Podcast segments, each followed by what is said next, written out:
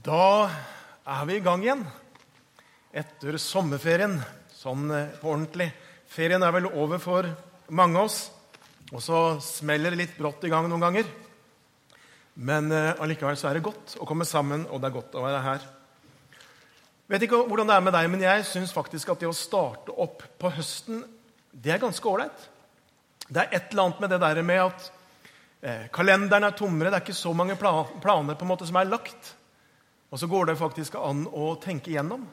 Hvordan ser denne høsten ut? Og det pleier jeg å gjøre, og det er noe jeg har gjort også innenfor denne høsten. Hva er det jeg ønsker at denne høsten her skal inneholde? Hva er det jeg ønsker, Hvordan ønsker jeg at denne høsten skal være kanskje noe annerledes enn det det ble i fjor eller i vår? Og så tenker vi noen ganger at livet det bare på en måte kjører på, og så må vi bare gripe tak og henge med. Og at vi har få valg. Men vi har faktisk ganske mange valg. Også når det kommer til å tenke hvordan skal denne, dette halvåret eller dette arbeidsåret bli. Eh, og på høsten så er det mulighet til å gjøre noen av de valgene.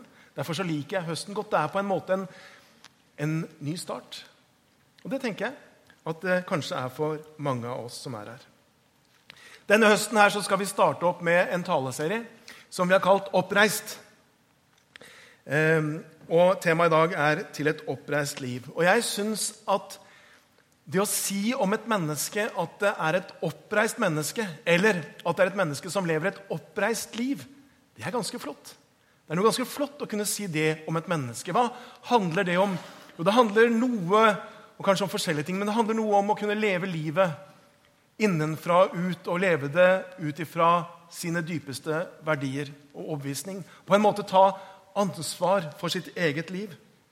Det handler om å ikke leve innkrøka i seg sjøl å være opptatt med kun mitt, meg og mine, men leve et større liv og kunne engasjere seg også for andre mennesker.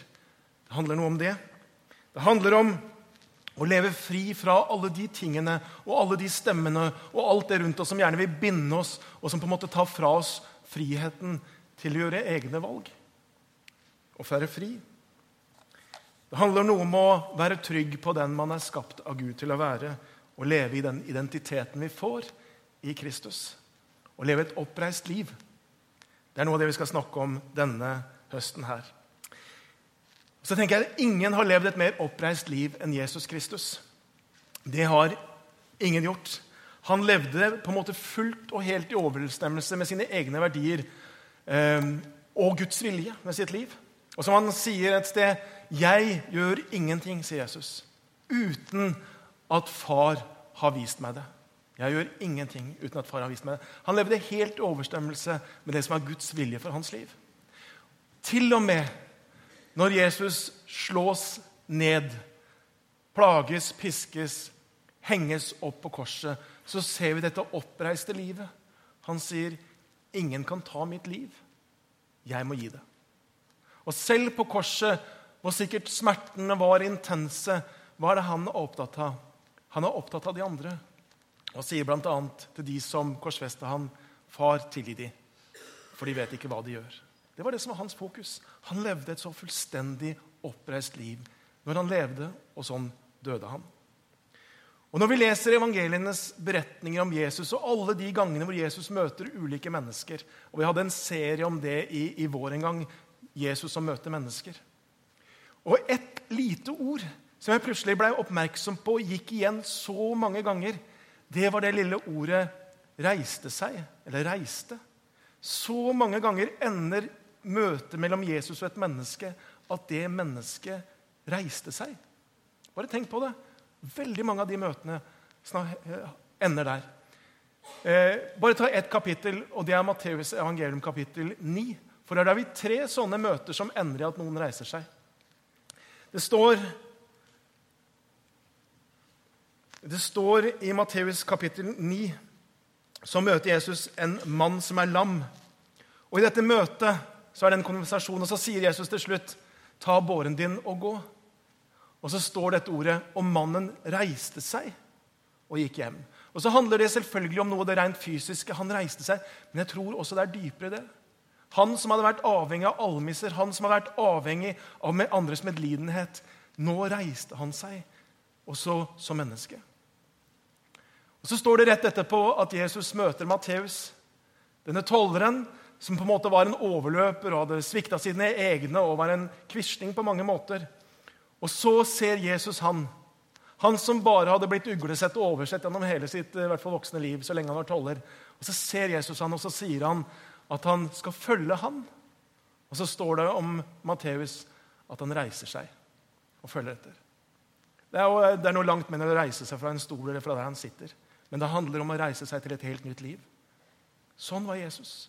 Så kan vi lese videre i Matteus evangeliet kapittel 9 om når forstanderens datter er død, og Jesus blir tilkalt. og Så sender han fløytespillere og sørgekvinner og på en måte hele spetakkelet ut av rommet. Og Så tar han denne jenta i hånda, og så står det der. Og så reiser hun seg opp. Ja. Sånn var Jesus når han gikk her nede. Han reiste opp mennesker. Ikke bare fra sånn konkret sykeleie og på en måte de som var lamme, fikk gå. Det også. Men han reiste opp de menneskene som var utenfor. Spedalske, prostituerte, tollere. De som var på en måte utenfor-mennesker. Som ikke ble inkludert og regna med. Han reiste de opp og gjorde de til innenfor-mennesker. Som var Jesus. Eller om det var disipler fra enkle kår i, og ganske enkle på en måte mennesker uten å være så veldig religiøse, så tar Jesus tak i dem og sier 'følg meg', og jeg vil gjøre dere til menneskefiskere. Og så reiser han dem opp til å bli ledere, til å bli apostler i den første kirke. Han reiser dem opp.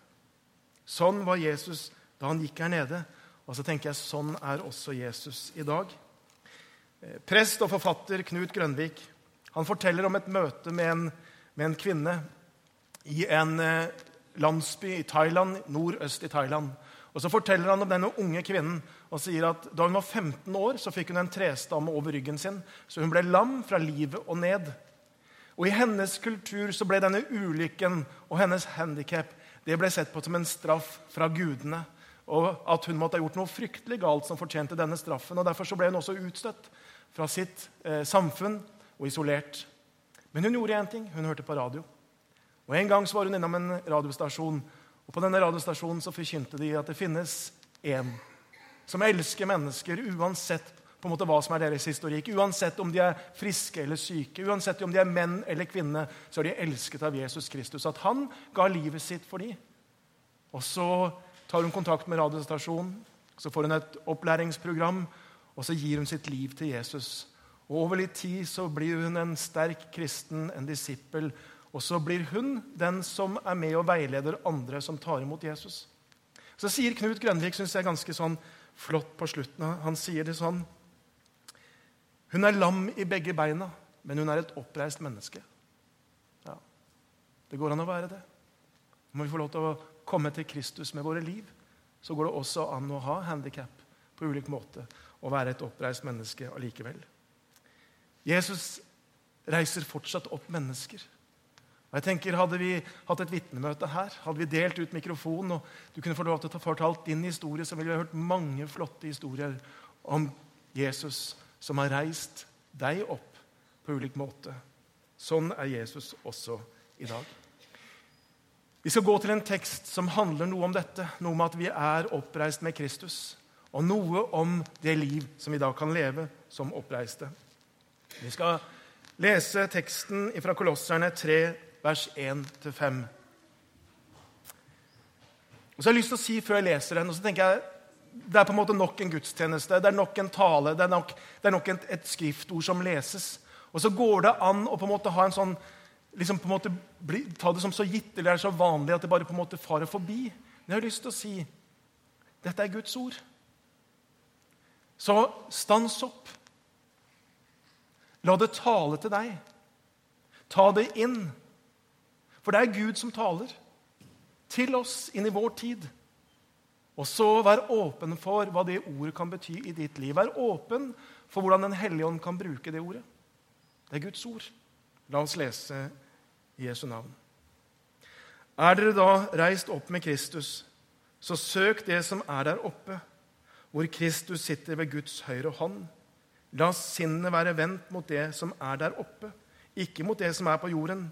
Dere er jo døde, og deres liv er skjult med Kristus i Gud. Når Kristus, deres liv, åpenbarer seg, da skal også dere bli åpenbart i herlighet sammen med Han. La det dere La, de, la da det jordiske i dere dø. Hor, urenhet, lidenskap og ondt begjær. Og grådighet, som ikke er annet enn avgudsdyrkelse. Så skal vi i dag ha fokus på de første to setningene. Er dere da reist opp med Kristus, så søk det som er der oppe, hvor Kristus sitter ved Guds høyre hånd. La sinnet være vendt mot det som er der oppe, ikke mot det som er på jorden. Skal vi be om at Gud må få lov til å åpenbare det i våre liv?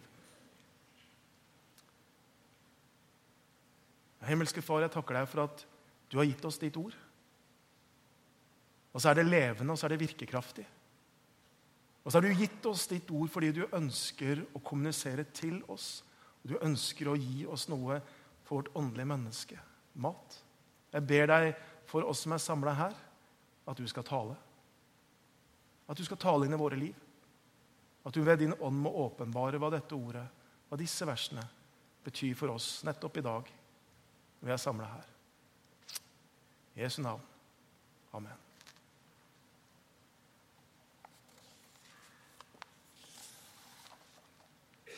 Teksten starter med et spørsmål. Er dere oppreist med Kristus? Ja, det er jo ikke sånn at man, ja, Er jeg det eller er jeg ikke? Det er ikke det som er meningen her. Det er et retorisk spørsmål, og svaret er selvfølgelig et rungende ja. Alle som har tatt imot Jesus Kristus, er oppreist med Han. Det er poenget.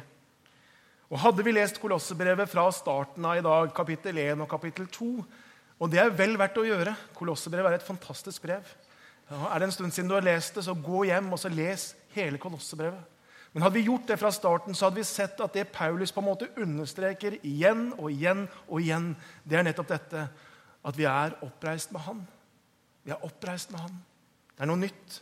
Det er noe helt nytt. Bare for å ta noen av disse versene, hvis dere kan se det her, så står det i det første kapittelet, vers 13, så står det For Han har fridd oss ut av mørkets makt og ført oss over i sin elskede sønns rike. I vers 14 i ham er vi kjøpt fri og fått tilgivelse for syndene. Vers 22. Hellig, uten feil og uangripelig vil han føre dere fram for seg. Og kapittel 2. For i dåpen blir dere begravet med Han, og i den blir dere også reist opp med Han. Vers 12. Men Han gjorde dere levende sammen med Kristus da Han tilga oss alle våre misgjerninger. Vers 13. Gjeldsbrevet mot oss slettet Han ut, det som var skrevet med lovbud. Han tok det bort fra oss da han naglet etter korset. Vers 14. Så liksom den, den melodien, da, for å bruke det uttrykket, som Paulus ville at de kristne i Kolosseum virkelig skulle få på hjernen, så, sånn som en hit vet du, som setter seg her, og som du blir plaga med hele dagen. ikke sant? Du har hatt de. Det Paulus ville, var at den på en måte hiten, som den melodien som de skulle få på hjernen, det var dette. Det var dette her. Det var det som er budskapet. Dere er fridd ut, kjøpt fri, tilgitt, forsonet, hellig, uten feil, begravet med Han, reist opp med Han, gjort levende, gjeldsbrevet er sletta ut. Det var det han ville at de aldri på en måte skulle bli kvitt, men ha der hele tiden. Og uansett hvilken stemme som sa noe annet, så var dette noe som overdøvde det. Sånn er dere. Dere er oppreist med Kristus. Og Det er det som er sangen også om våre liv. Det er det som er. Det er ikke bare de kristne i Kolosseum dette handler om, men det er sangen om våre liv. Det er sant, det som står her. Og så er det mye som er sant om oss.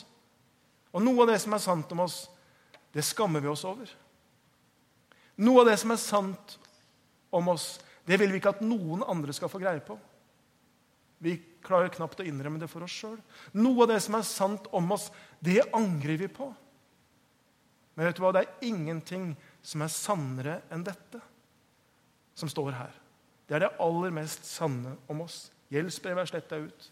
Vi er fri, vi er hellige, uten feil lyte. Sånn er det Herren ser på oss. Det står en setning her om at Kristus sitter ved Faderens høyre hånd. Det brukes igjen i Hebrebrevet, hvor det står at vi har en øverste prest i himmelen som sitter ved Faderens høyre hånd. En øverste prest. Jesus er vår øverste prest. Hva var det øverstepresten gjorde? Jo, En gang i året så gikk øverstepresten inn i det aller helligste i all sin skrud og bar fram folkets synder. Og Som en del av kledningen til øverstepresten så hadde han noen edelstener her på brystplata. Og På disse edelstenene så sto det gravert inn navnet på alle Israels tolv stammer. Så når han gikk inn for Gud i det aller helligste, så bar han hele folket og alle folkets navn på sitt hjerte. Eller over sitt hjerte.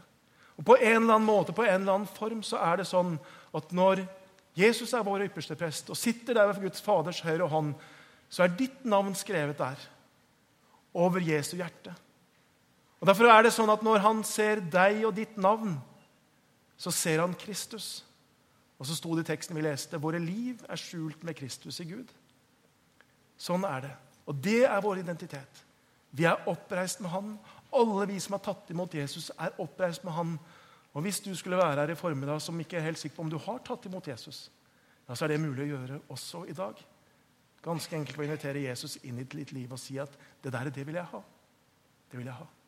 Vi er oppreist med Kristus. Det er det Paulus starter disse versene med. Derfor om dere er oppreist med Kristus. Og Så kommer det neste. og det er mitt Punkt nummer to. Så står det så søk det som er der oppe, og i Kristus sitter ved Guds høyre hånd. Dere er oppreist med Kristus. Søk det som er der oppe. Ordet her for å søke, hva betyr det? Jeg vet ikke åssen det er eh, med tenåringene som er her, om det er noen som har søkt eh, noen skoler etter videregående. Men jeg merker at en del av de, de søker ti stykker, og så vet de ikke helt hvem de skal velge. Og Det er ikke helt det dette menes. Men ordet 'søke' her, det betyr å søke med person og med iver etter det objektet eller det man søker etter. Det er på en måte en målretta søking dette handler om. Og Bibelen sier hva er det vi skal søke? Jo, det som er der oppe. Vi skal søke Kristus.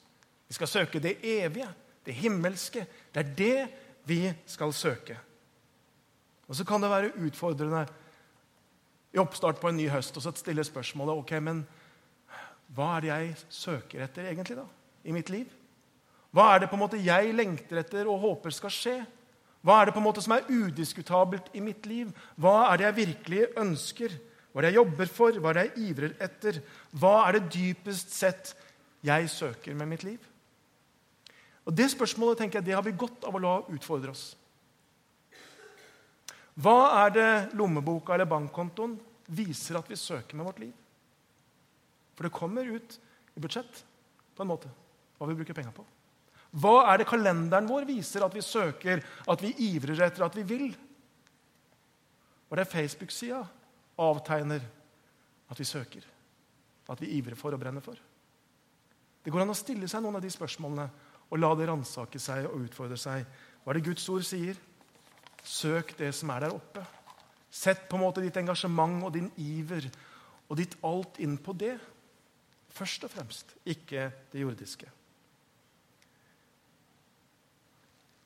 Jesus han sier jo noe omtrent det samme. I Matteus 6, 33 så sier Jesus noe om å søke først. Hva er det det handler om? Det handler om at det er noe i livet som har forrang, og som skal ha forrang, som skal ha prioritet, og som skal være det første, det som er udiskutabelt, det som ingenting kommer foran. Søk først. Hva da? Jo, Guds rike og hans rettferdighet. Det er på en måte et ekko av det første av de ti bud. Du skal ikke ha andre guder enn meg. Søk først Guds rike. La det være det som er nummer én i vårt liv, og som er udiskutabelt, og som alt annet kommer under. Søk først Guds rike. Og så finnes det i dette verset et fantastisk løfte. Det kjenner dere. mange av dere. Så skal dere få alt det andre i tillegg. Så skal dere få alt det andre i tillegg. Og Det er jo det som er så fantastisk. Når vi har det i på en måte rett, riktig rekkefølge, så blir det på en måte et godt og et rikt liv. Hvorfor er det så lett å først tenke at vi må ordne alt det andre, og så Gud? Jeg tror det handler om frykt. Frykt for at vi liksom skal miste da, det andre hva det nå enn det er. Det andre som er bra i livet, eller som vi, som vi, ønsker eller som vi vil. Men poenget er at når vi setter Gud først, så mister vi ikke det. Det er tvert imot når vi søker alt det andre, at vi står i fare for å miste også det. Jesus sier noe annet et annet sted, som jeg har tenkt på mange ganger. Eh, han sier at 'den som vil berge sitt liv', sier han. Den som vil berge sitt liv, han skal miste det. Men den som er villig til å miste sitt liv for min skyld, han skal faktisk berge det. Og jeg tenker at Det er så sant i så mange deler og fasetter av livet. At når vi forsøker på en måte krampaktig å bevare vårt eget liv, og holde fast på det og tenke at det skal ingen ta, så er det som om livet på en måte renner ut som sand mellom hendene våre. Og så mister vi det. Hvor blei det av? Så var vi så opptatt av å bevare vårt eget liv at på en måte det, vi blei stående fattig tilbake. Og Så sier Jesus, men den som er villig til å miste sitt liv for min skyld, han skal finne det. Og sånn er det. Når vi setter Jesus først, ja, så settes vi i frihet, og så kommer også alt det andre. Før sommeren, i juni, så var jeg på en konferanse som gikk på Ansgarskolen. Og så var det noe som blei sagt der, og som ikke er sluppet tak i meg denne sommeren. Det var noe som jeg kjente det utfordra meg skikkelig. Og så tenkte jeg at jeg hadde lyst til å dele med dere. Er det ålreit? Eller er dere nok utfordra? Er dere klar for litt mer utfordring? Ok. Dietrich Schindler het han som sa dette. Og han er en leder for menighetsplantingsarbeidet i det tyske misjonsbund. Han har vært med i misjonsbundet eller besøkt oss flere ganger. Kanskje noen av dere har hørt ham på en lederkonferanse. Eh, og så hadde han eh, blant annet et innlegg, og I det innlegget så hadde han en liten sånn, bare to minutter hvor han tegna en modell og sa noen ting. Og så var det det som ble hengende fast hos meg. Og Sånn er det jo noen ganger. Han sier følgende Han sier at det finnes egentlig bare to riker. Det er Guds rike, og så er det mitt rike. Det finnes egentlig bare de to rikene. Og så sier han, Hva er det som er i mitt rike? Jo, i mitt rike så er det både det som er godt, og det er noen ganger det som er vondt. Det gode i livet det er de gode opplevelsene, de gode dagene, når vi kjenner på, på at det er godt å leve. Vi trives og har det bra, og vi er på en måte i, i flytsonen. Så, så kommer også det som er vondt i livet. Det kan være sykdom, eller det kan være situasjoner omkring oss. Det kan være ting som gjør oss utrygge. Det er mange ting som kan oppleves som dette vonde. Det kan være eh, skyld, det kan være skam, det kan være anger. Alt dette. Og så sier han hva vi da gjør. Jo, når vi kjenner på denne smerten, så er det at vi inviterer Jesus inn i våre liv. Sånn at han kan hjelpe oss med det som er vondt, med skyldfølelsene, med skammen, med smerten, med sorgen eller hva det nå er som gjør at det er vondt. Og så ber vi Jesus om at han skal velsigne mine planer, våre planer det som jeg ønsker å gjøre, det som jeg ønsker å nå, at han skal velsigne det i mitt liv. At han skal hjelpe meg egentlig, dypest sett, å bygge mitt rike. Og Så sier de til Schindler men det er ikke kristendom. Det er ikke det Jesus kom for å hjelpe, gjøre for oss. Det er noe helt annet. Ja.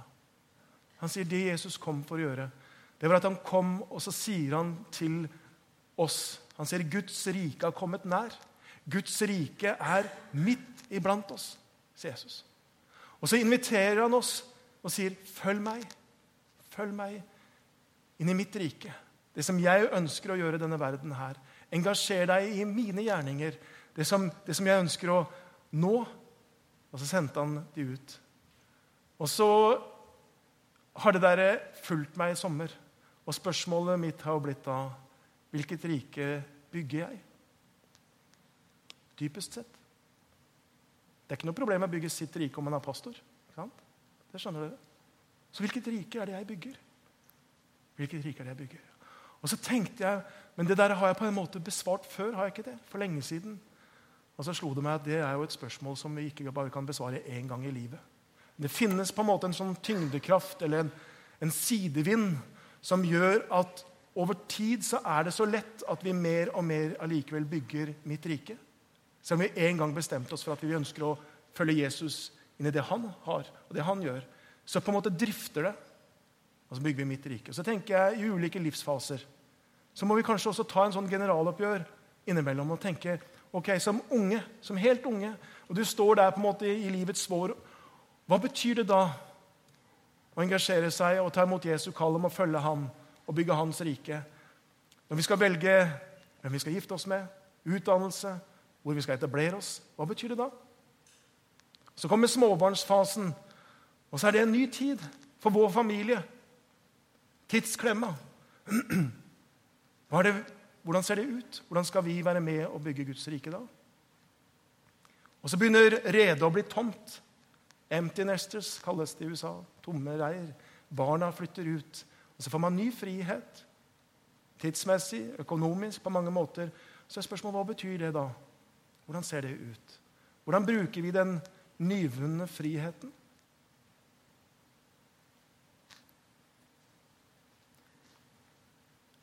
Dere skjønner poenget? Ja. Spørsmålet hvilket rike bygger vi? Hvilket rike bygger jeg?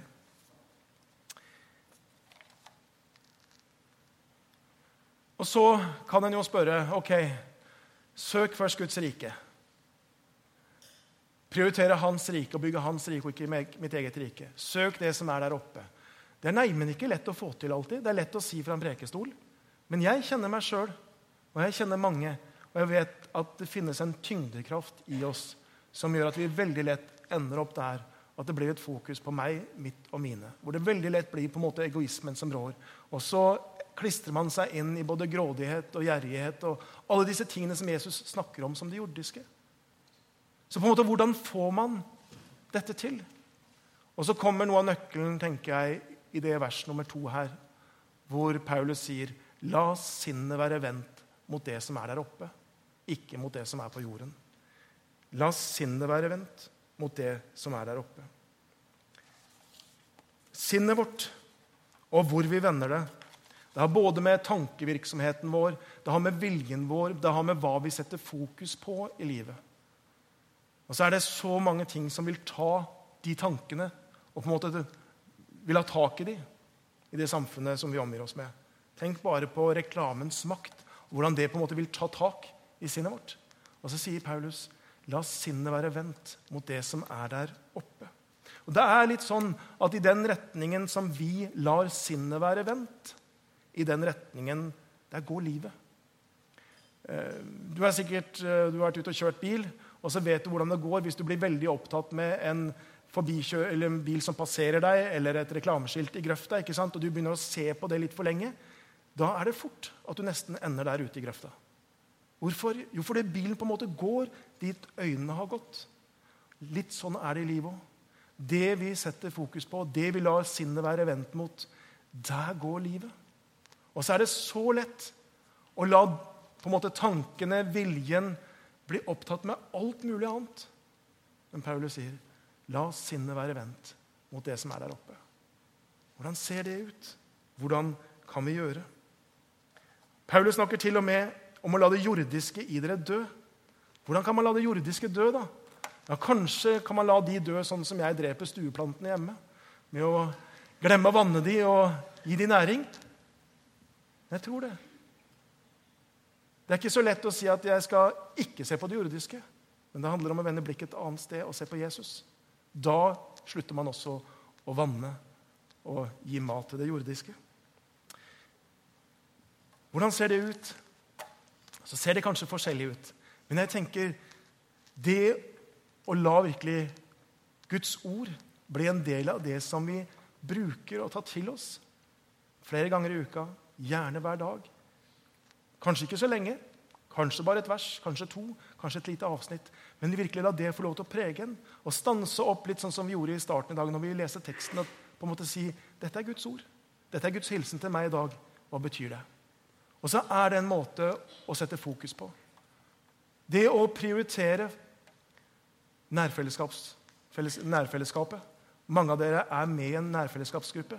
Og tenk at det skal, det skal ha topp prioritet. For det er sammen med mennesker som kan hjelpe meg nettopp til dette. Og la sinnet være vendt mot det som er der oppe. Og Hvis du ikke er med i en nærfellesskapsgruppe, vet du hva? da vil jeg utfordre deg i dag. og Når du skal liksom planlegge høsten, Ta fram den lille brosjyra, og så er det et sted du kan krysse hvor du kan si 'Jeg vil være med i en nærfellesskapsgruppe'. Kryss der. Legg det i postkassa ute i gangen. Og så vil du ganske kjapt være med i en sånn gruppe. Det er en måte å la sinnet være vendt mot det som er der oppe.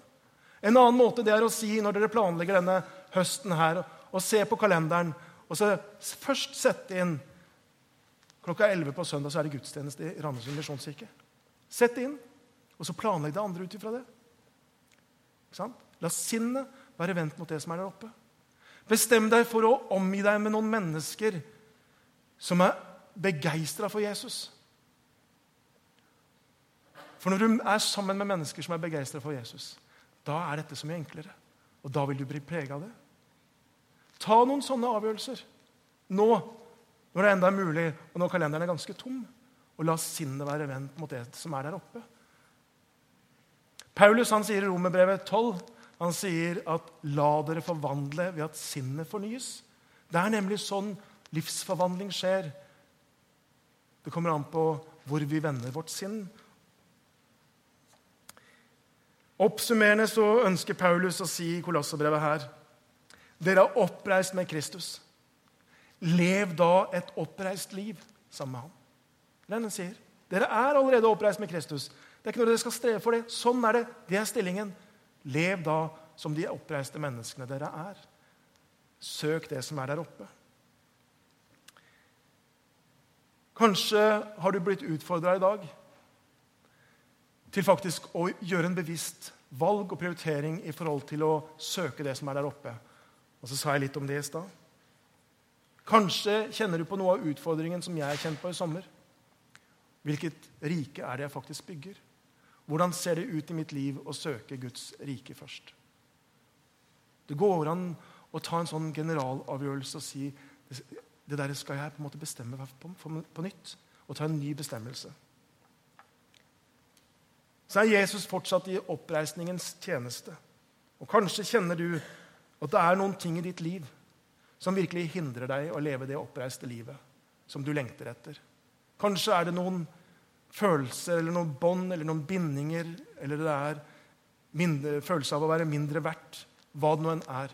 Så er Jesus fortsatt der at han reiser opp mennesker. Det kan du få lov til å komme i dag, søke forbønn, og så vil vi be om det. At du skal kjenne at du kan bli reist opp nettopp i det fra det du kjenner binder deg. Vi skal gå over til respons. Vi pleier å ha det sånn i Misjonskirken. Og da er det mange muligheter å gjøre det på. Ehm, det er et budskap som kanskje du kjenner er utfordrende. Jeg håper også at du kjenner det er oppmuntrende. Men det er kanskje utfordrende. Og Det går an at du sitter bare der i benkeraden, og så har du en prosess, du og Gud. Det er helt ålreit. Har du lyst, så kan du skrive Eh, en bønnelapp og legge i bønnekrukka der borte. De blir ikke lest, men du kan få lov til å skrive det inn for Gud, og så ber vi for alle de mot slutten. Bønnerommet er åpent. Du kan søke inn dit og få forbønn. Og så vil det også være mulighet for å komme fram her, og så vil vi være med og be for deg i forhold til kanskje til noe av det som eh, har blitt forkynt, eller kanskje det er andre ting du kjenner at du trenger forbønn for. Så vi gjør det sånn. Lovsangerne, dere kommer opp. Og så eh, reiser vi oss etter hvert opp, og så er vi med i respons. Og så har jeg lyst til å si at det er også sånn hos oss at hvis du kjenner at du har fått et ord, det er noe som ligger på ditt hjerte, så ønsker vi at det skal være rom for det. At du kan dele det også fra plattforma. Kom bort til Ingunn eller til meg, og så, og så blir det mulighet for det. Hvis du kjenner at Gud legger noe på ditt hjerte, at du har en gave som du ønsker å praktisere. Så har vi litt tid sammen innenfor Guds ansikt nå. Vi reiser oss opp og er med.